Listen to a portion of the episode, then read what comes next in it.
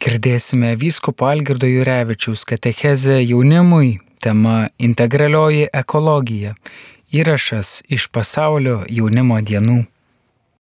Jeigu visi jau patogiai įsitaisėte, tai sveikinu dar kartelį visus sugrįžus į šią nuostabę bažnyčią. Kviečiu įsitaisyti patogiai, užimti savo vietas, mes dabar Nersime dar giliau į šiandien dieną. Norime pristatyti Jums vieną iš mūsų ganytojų, netrukus su juo ir pasikalbėsim.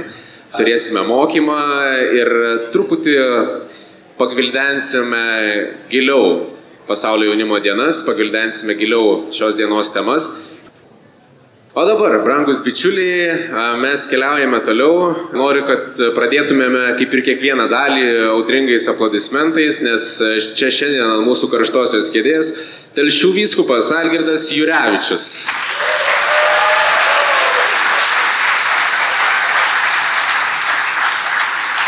Mes turime vieną mikrofoną, pabandysime juo pasidalinti.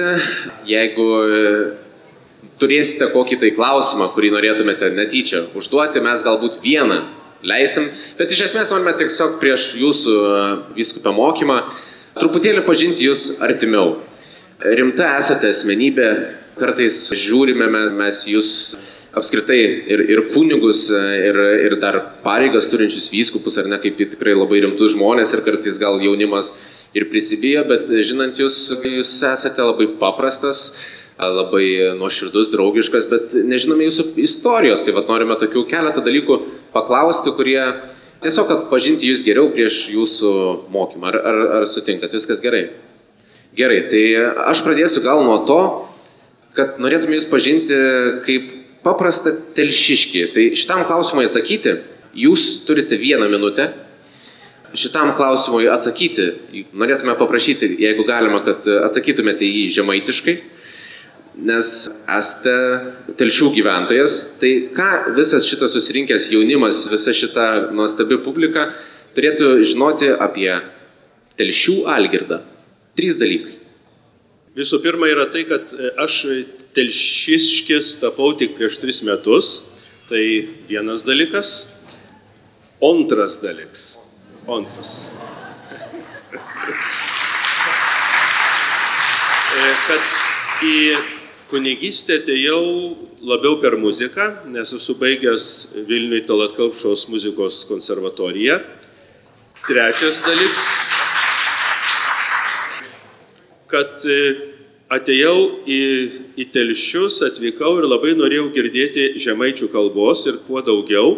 Aš jos girdėjau labai nedaug, todėl dabar darau viską, kad ir bažnyčioje ta kalba skambėtų.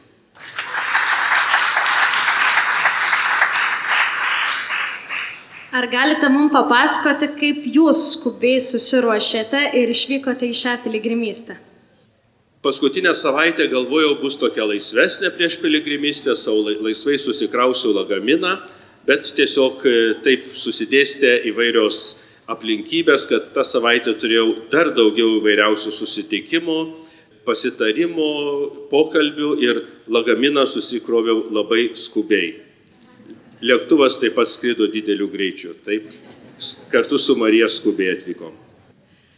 Kelintas tai jūsų jaunimo dienos ir gal galit labai labai trumpai pasidalinti, kuo būtent šios yra išskirtinės. Jaunimo dienose dalyvauju antrą kartą, antrą atsiprašau. Pirmą kartą buvau praeitam tūkstantmetį, tai labai seniai, 1997 metais, kaip jaunas kunigas, lydėjau didelę grupę, du autobusus, vienas 70 vietų, kitas 50 vietų, tai 120 žmonių į Paryžių.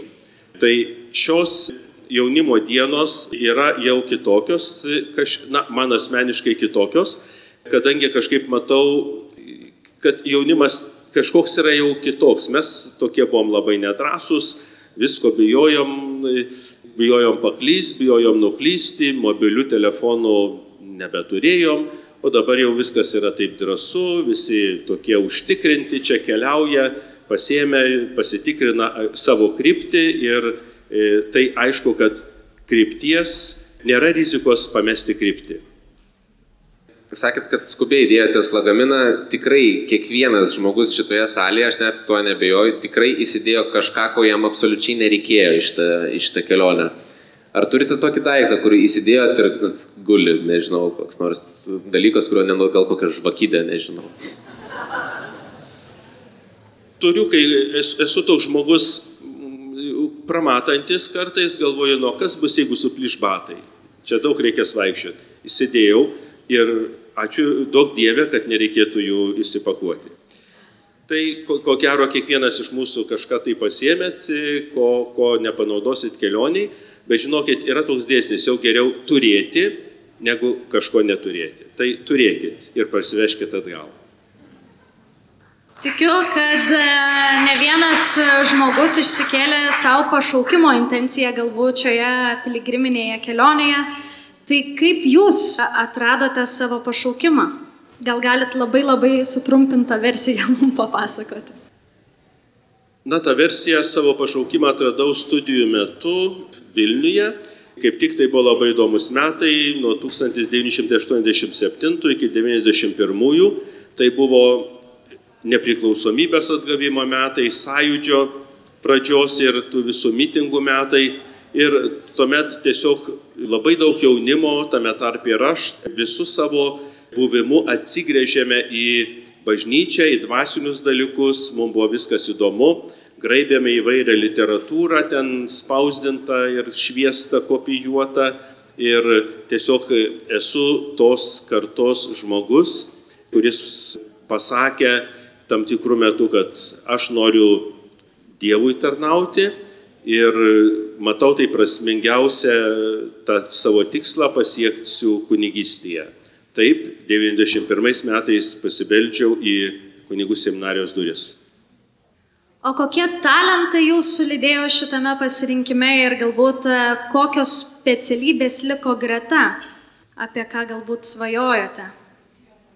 Na, kaip minėjau, kad man nebuvo lengva pasirinkti, nes mokykloje sekėsi tie visi tiksliai dalykai. Dalyvavau ten fizikų, matematikų olimpiadose, o kaip toks visiškai priešingybė E, mokiausi muzikos, vaikų muzikos mokykloje, po to konservatorijoje. Tai, sakyčiau, du tokie ekstremai mane lydėjo tame ir iš šių dviejų ekstremų pasirinkau visgi bažnyčią, pasirinkau tapti kunigu ir abu šios ekstremus taip pat panaudoju.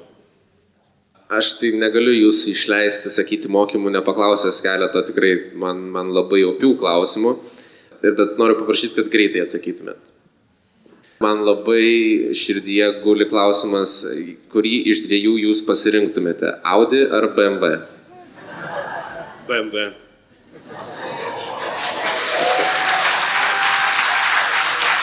Nes BMW tai yra toks teologinis sutrumpinimas. Kiekvienas teologas nuo viduramžių žino, kad Beata Marija Virginės Visose liturginiuose knygose parašytos tris raidės BMP.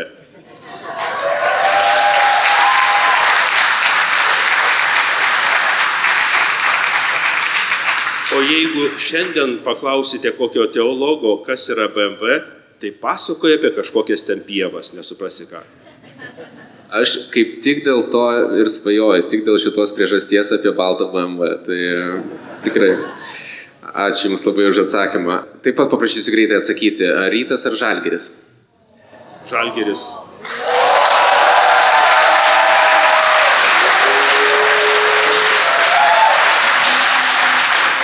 Ir ne. Ar žinot kodėl? Dėl to, kad į Žalgirio mūšį Vytautas Didysis vežė Trakų Mariją paveikslą. Meldėsi ir mūšį laimėjo.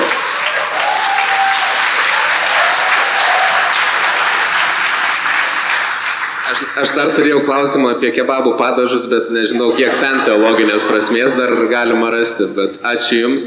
Prieš išleidžiant Jums į mokymą, kaip žemaitiškai pasakytumėte visos šios jaunimo dienų ir šios dienos temos šūkį, Marija skubiai susiruošusi iškeliavo. Tai kaip tai turėtų skambėti žemaitiškai? Manau, kad panašiai. Bet žemaičiai niekur nesiskubina, net ir krikštą paskutiniai priėmė. Tai ponios ir ponai, broliai ir seserys, telšių vyskupas. Algirdas Jurevičius, tai kviečiam į priekį ir pradedame šios dienos mokymą. Matot, net prakaitas išpylė nuo klausimų. Taigi, mano mėly, tikrai džiugu Jūs šiandien matyti ir džiaugtis kartu su Jumis. Taigi, prasideda ta katechezė, išklausėme Evangelijos to žodžio, kuris mūsų šiandien E, visą dieną lydi. Taip pat diskutavimą tais klausimais labai dėkoju kunigui Mindaugui Kučinskui, kuris tokią puikią animaciją mums šiandien padarė ir įvedė į mūsų diskusiją. Tačiau noriu atkreipti dar keletą dalykų. Tai tokia Marijos piligrimystė ir kuomet skaičiau popiežiaus laišką jaunimui Kristus Vyvit, Jame popiežius pastebėjo vieną tokį dalyką, kurio aš nebuvau iki tol matęs arba pastebėjęs. Popiežius rašo, dar būdama labai jauna, Marija priėmė angelo žinę ir ištarė lemtingai taip. Labai jauna. Kokio amžiaus buvo Marija? Sako 14. Iš tiesų, aiškaus atsakymo tikrai nėra, bet tikrai labai jauna, nes toje kultūroje netgi ir šiandien merginos yra ištekinamos, išteka, na, labai jaunos. Taigi Marija, kuomet pasakė angelui taip, buvo maždaug mūsų amžiaus. Įsivaizduokite dabar save Marijos vietoje, kuomet reikia padaryti tokį didžiulį apsisprendimą Taigi ji buvo paauglė, kuomet tokį didelį sprendimą priėmė ir pasakė Dievui taip. Kitas dalykas apie tą skubą. Žodis, kuris šiandien na, turi didelę karjerą. Marija skubiai įsiruošus iškeliavo. Aišku, ji išgyveno tam tikrą piligrimystės džiaugsmą, kaip ir mes kiekvienas tą džiaugsmą patiriame. Bet iš kitos pusės, juk ir lovoje drypsant galima svajoti apie kažkokius ten aukštus idealus, tačiau mes nieko nepadarome ir tai lieka tik tuščiomis svajonėmis. Pavyzdžiui, kažkas gali svajoti, eisiu savanoriauti, arba prisijungsiu parapijoje prie jaunimo grupelės, arba eisiu patarnauti švento mišio, bet jis to nepadaro tai ir lieka svajonės. Taigi, brangieji, tarp to, ką mes susikūrėme savo mintise, tarp to, ką turime svajonę, būtina tą svajonę įgyvendinti. Popiežiaus Pranciškaus jau yra tapusi tokia frazė labai žinoma, kad jaunimas, kuris sėdi ant sofos ir nesiauna žygio batų, jis taip ir lieka savo uždarame pasaulyje. Kadangi visiems malonu prisiminti vaikystę, kuomet mus, mums sekdavo pasakas, taip pat ir jums paseksiu vieną pasaką. Velnių vyresnysis siunčia velniukus į žemę ir juos egzaminuoja, kaip jie planuoja patraukti žmonės į blogą. Štai vienas iš jų sako, aš pasakysiu, kad Dievo nėra. Vyresnysis jam atsako, tai sako, tavim niekas nepatikės. Klausia antro, o ką tu sakysi? Kitas sakys, sakysiu, kad pragaro nėra. Na, jau geriau, bet vis tiek dar nelabai įtikinsi žmonių. O trečias velniukas sako, o aš žmonėm pasakosiu tokią istoriją. Neskubėkit artėti prie Jėzaus. Dar yra laiko. Vėliau, vėliau. Ir vyresnysis jį pagyrė. Sako, puiku, sakyk visiems tą istoriją ir visi tavim patikės. Keliauk. Taigi, brangiai, matome, kaip siejamos raugės į kviečių lauką. Kažkas jums šnapžda. Neskubėk lankyti bažnyčios, neskubėk pradėti melstis, neskubėk eiti iš pažinties, kai susikaups daugybė nuodėmių, visas kalnas, tuomet visas kartu ir išpažinsi. Kitaip tariant, ta velniška mintis - neskubėkite. Ir taip siejamos tos raugės anot Evangelijos ir užnuodijamas žmonių gyvenimas. Neskubėk keliauti į Lisaboną, juk taip toli, o Marija išskubėjo. Ir jūs taip pat įsiruošėte ir išskubėjote. Už tai dabar paplokite vienas kitam, kad jūs išskubėjote kartu su Marija.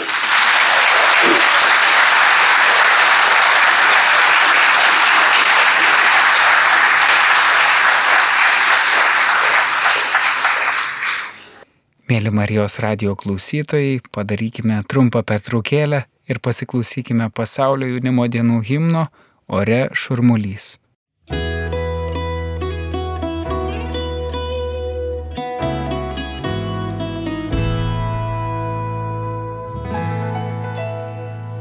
Iš nuostabiausių šio pasaulio kraštų keliavom džiaugsmingai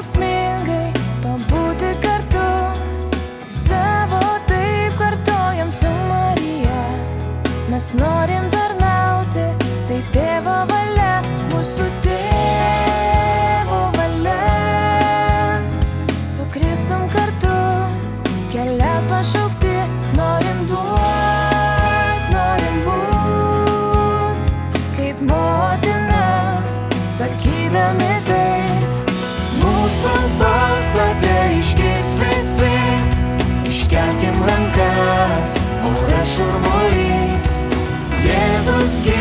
gyvas mūsų nepaliks ir mes nepaliausim mylėti.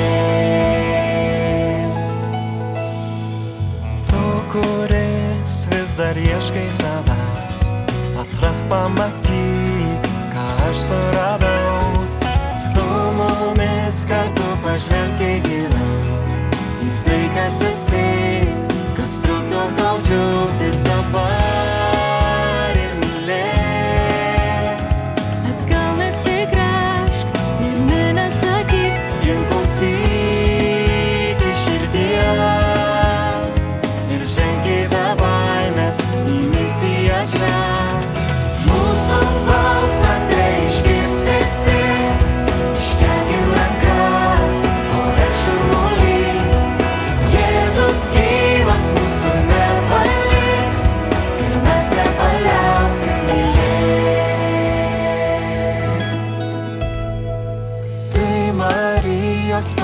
paprasta širdis, patikėt paslaptim, suskubo pirmą ir priimti didžią dovaną. Mūsų Dievo, kuris yra amžinai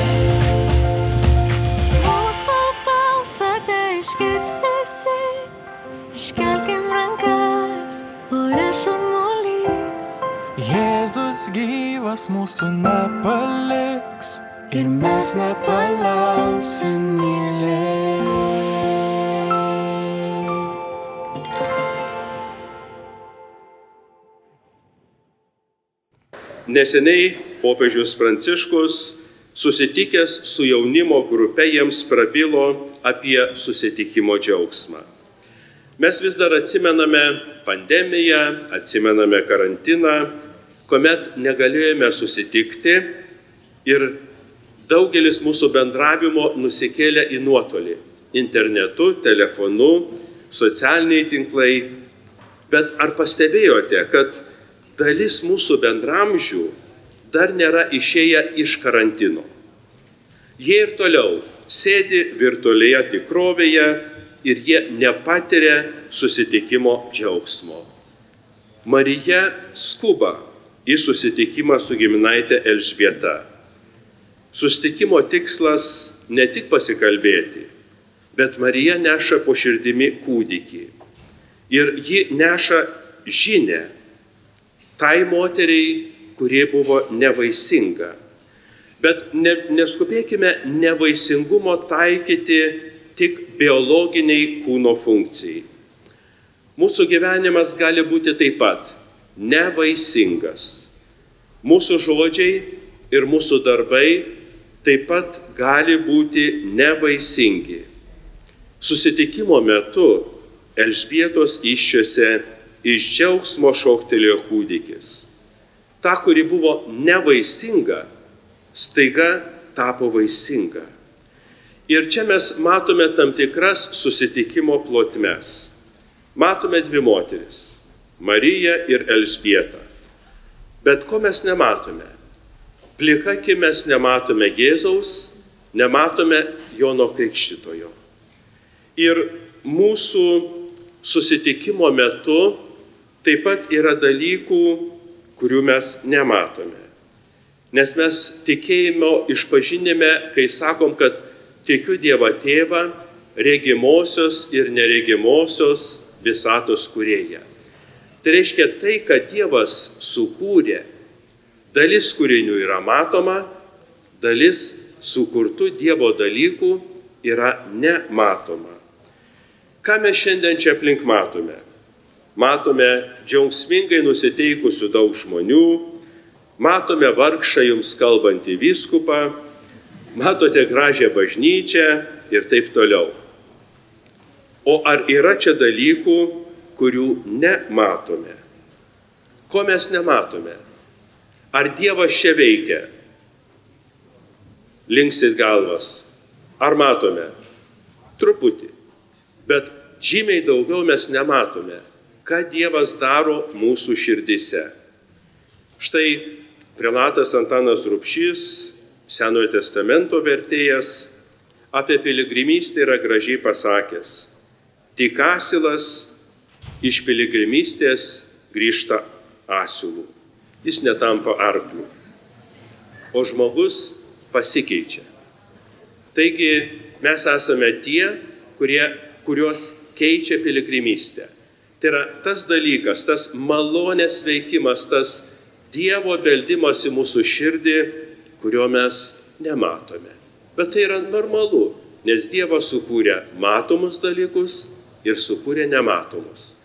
Ir didelė palaima mūsų užklumpa tuo met, kai nematomi dalykai mūsų gyvenime tampa regimi, matomi. Taigi tas džiaugsmas, bendrystė, paslaugumas, tokia tiesiog išreikšta meilė vienas kitam yra tie dalykai, kurie iš nematomų per mūsų gyvenimą tampa matomi. Taigi iš tiesų yra įvairūs atsivertimo lygmenys. Ir štai šiandien prie šios temos organizatoriai labai e, pabrėžė tokią mintį pakalbėti ir apie ekologinį atsivertimą. Nes mes matome, kaip mūsų pasaulis, klimatas keičiasi, oras šyla ir labai svarbu kalbėti apie tai, kad Nuodėmė yra neatsakingas naudojimas tam tikrais žemės resursais, šiukšlinimas, gamto žalojimas ir taip toliau. Šiaip aš irgi jau gal dešimt metų, kaip rušiuoju šiukšlės, nešu jas į tam tikrus konteinerius tam pritaikytus, tai nieko naujo. Bet kaip manyje įvyko tas, sakyčiau, ekologinis atsivertimas. Buvo taip, kad prieš kokį dešimtmetį mane aplankė viena šeima, kuri buvo grįžusi iš kažkokios kelionės tolimos. Tiesiog mes pavakarojame, papasakojame įspūdžius. Jie buvo atsinešę kažkokį vieną butelį gėrimo ir po to, po vakarienės, kai jau mes atsisveikinom, jie mane paklausė, sako, ar mes galime paimti tą tuščią butelį. Nu čia dabar galvoju, atsinešė, kartus pasivaišinom ir nori įsinešti, tai kas čia gal užnuodytas koks, kas čia dabar per gėrimas. O jie sako, mes viską rušiuojame, eisim pro šalį, pro konteinerį, jeigu jūs dar to nedarote, tai mes mielai tą butelį taip jo atsikratysime, kad jisai kuo mažiau pakenktų aplinkai. Žinoma, jiems atidaviau. Galėjau duoti ir daugiau šiukšlių, būtų išnešę. Bet aš pagalvojau, kaip žmonės masto. Aš tokio lygio dar nebuvau pasiekęs. Nuo to laiko aš irgi viską pradėjau, kas popierius, kas atliekos, kas pakuotės, viską pradėjau rušiuoti ir sakyčiau, kad būtent per tai mane pasiekė tas ekologinis atsivertimas. Kitas dalykas. Ekonominiuose santykiuose ir versle dabar labai populiarus žodis yra tvarumas kuris turi daug reikšmių. Tačiau viena iš jų yra ta, kad verslas, kuris susiduria su krize, galėtų, kai išgyvena tą krizę, tas verslas pakyla į aukštesnį lygmenį. Bet o kaip veikia tvarumas dvasinėme gyvenime? Čia aš prisimenu Jobo istoriją iš Senojo testamento. Gyveno toks Jobas, jam viskas puikiausiai sekėsi. Avis, kaimenės, šeima, turėjo daug vaikų, dukros buvo pačios gražiausios visoje šalyje. Vienu žodžiu, žmogui tiesiog sekėsi, jis buvo teisus, Dievą garbino, visus mylėjo ir taip toliau. Jobo knyga pasakoja apie velniuką, kuris Dievui sako, nu sako, žiūrėk į tą Jobą. Taigi jam bepigu tave garbinti. Jis gyvena šiltnamio sąlygomis. Viską turi, viskas jam gerai sekasi ir jis Dievą garbina. O sako, tu padaryk, išbandyk jį. Viską iš jo atimk, siūsk daug nelaimių ir pamatysi, kaip jis tave keiks. Nors sakytume, įvyko tokie sandėris tarp, tarp piktojo ir Dievo. Nors tai atsitinka taip, kad Jobo kaimenės pavogiamas, jis pats apsirga, išsivaro į nelaisvę visą jo šeimą, vienu žodžiu, jo gyvenimą užklumpa vienos nelaimės. Ir jisai, nepaisant to, kad net ir žmona siūlė jam keikti Dievą, nepaisant to jis vis tiek sakė, kad jeigu iš Dievo priimam gerą, kodėl negalim priimti blogo. Jis liko išbandytas, liko teisus. Ir tos knygos pabaiga labai laiminga. Vėl viskas sugrįžo, vėl jis turėjo visko į valias ir vėl toliau garbino Dievą. Bet jis išgyveno krizę, kuri jį pakėlė į visiškai naują lygmenį santykiuose su Dievu. Mes dabar pagalvokime apie save. Ar tas tvarumas, tikėjimo tvarumas yra mums svarbus mūsų gyvenime ir ar jis veikia? Mes esame pasaulio jaunimo dienose. Mes esame tose šiltnamio sąlygose. Na, ne dėl to, kad čia labai karšta, bet šiltnamis dėl to, kad visi esame paslaugus, mandagus, pamaldus. Čia tiesiog skamba giesmės, maldos, mes šloviname Dievą, Čia tikrai esame toj pirmoj daly Jobo knygos. O kas atsitiks tuomet, kai mes būsime išimti iš šios komforto zonos. Kai mes grįšime į savo aplinką, kur mažai besišypsančių žmonių, kur niekas nenori girdėti apie Dievą, kur galbūt pasityčios iš mūsų pamaldumo ir mūsų tikėjimo liūdėjimo. Ar mūsų teisumas ir tikėjimas tuomet bus tvarūs? Čia klausimas. Ar mes sulauksime tos trečiosios Jobo knygos dalies, kuomet po visų išbandymų Jobas pakilo į aukštesnį lygmenį ir vėl jam grįžo visa tai, ką jis buvo praradęs. Štai prieš keletą dienų mes minėjome šventąjį Ignacą Lojolą. Kas esate susipažinę su jo gyvenimu ir dvasingumu, tai jo dvasingume yra ryškios dvi savokos - paguoda ir nepaguoda.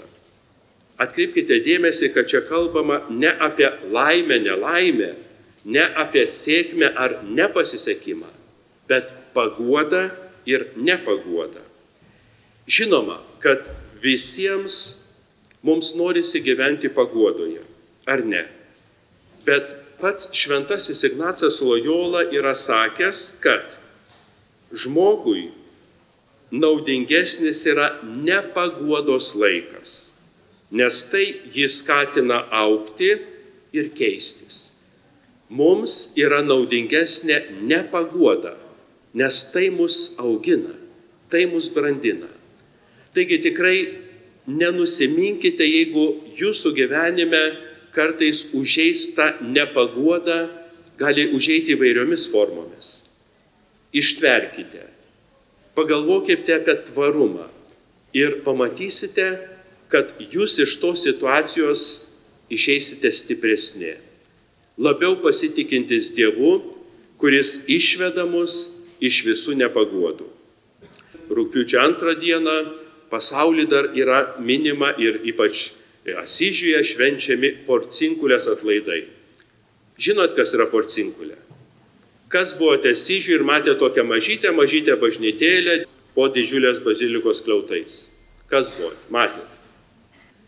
Porcinkulė yra labai maža bažnytėlė Asyžiuje, kuri Šventojo Pranciškaus laikais, tai 13 amžius, buvo pradėjus griūti. Istorija jos maždaug tokia, kad ten kažkada gyveno kažkokie vienuoliai, bet po to jie pasitraukė, bažnytėlė pradėjo griūti ir jie pasitraukė. Ir atsirado Pranciškus, kuris panoro kartu pasikvietęs keletą bičiulių atstatyti tą bažnyčią, nes joje besimelsdamas jis išgirdo nuo kryžiaus kalbantį Kristų. Pranciškau, eik ir atstatyk bažnyčią. Jis pradžioje tai suprato, kad Dievas įkviečia statyti tą griūvančią koplytėlę. Nešė akmenis, maišė skėdinį, lopė skėlės, stogą, bažnytėlė buvo atstatyta. Ką aš to noriu pasakyti? Kaip mes reaguojame, matydami griūvančią bažnyčią? Na, tą griūvančią bažnyčią čia galima suprasti ir perkeltinę prasme. Yra žmonių, kurie pasitraukia, kaip ten tie, kurie prie tos porcinkulės buvo gyvenę. Pradėjo griūti, išėjo, įsikraustė kitur ir nesuko savo galvos. Bet atėjo tas, kuris griūvančią bažnyčią atstatė. Taigi sakytume, kuomet ir kartais galbūt mūsų gyvenime tai pasitaikys, kad mums atrodys, kad bažnyčia griūva. Kažkokie skandalai, ten nesusipratimai, ten dar kažkas. Kaip mes reaguosime? Ar mes eisime atstatyti griūvančią bažnyčią? Seksime šventuoju pranciškumi ir tame nepaguodos laike išgyvensime didžiulį pasitikėjimą Dievu ir per tai ateis mums didžiulė paguoda. Mergelė Marija taip pat išgyveno daug nepaguodo situacijų. Tiesiog visą išbandymų seriją. Jis nesuprato net ir Jėzaus misijos, bet viską svarstė savo širdį. Jo širdį buvo daugiau klausimų negu atsakymų bet pasitikėjo Dievu, kad Jis žino, jis viską išves į gerą. Bet didžiausias išbandymas Marijai tai buvo po kryžiumi. Žinote tą lotinišką giesmę Stabat mater dolorosa. Stovi motina skausminga. Sakyčiau, kad kaip toj citatoj Marijos skubėjo, svarbiausias žodis buvo. Čia yra svarbiausias žodis stovi po kryžiumi. Šventas raštas neprašo, kad motina ten verkė, rovėsi savo plaukus, draskėsi iš nevilties. Jis stovi rami. Taigi, jeigu norime, kad ir mūsų tikėjimas ir gyvenimas būtų tvarus, taip pat turime išstovėti ir po savo gyvenimo kryžiais. Jų bus įvairiausių. Bet kas stovi po Jėzaus kryžiumi, visi gyvenimo kryžiai yra pakeliami. Taigi mes išstovėję po viešpaties kryžiumi susitiksime ir su prisikėlusiu Kristumi, kuris atneša džiaugsmą ir pasitikėjimą. Taigi tikrai jums linkiu tvarumo jūsų gyvenime, tvarumo jūsų tikėjime, skubėti ten, kur reikia skubėti ir stovėti po kryžimi, medituoti viešpati ten, kur reikia iš jo būtent išgerti ir tą taurę, kurią viešpats duoda. Žinokit, nepaguodo situacijos mums labai reikalingos ir tik jos augina mus dvasiškai. Amen.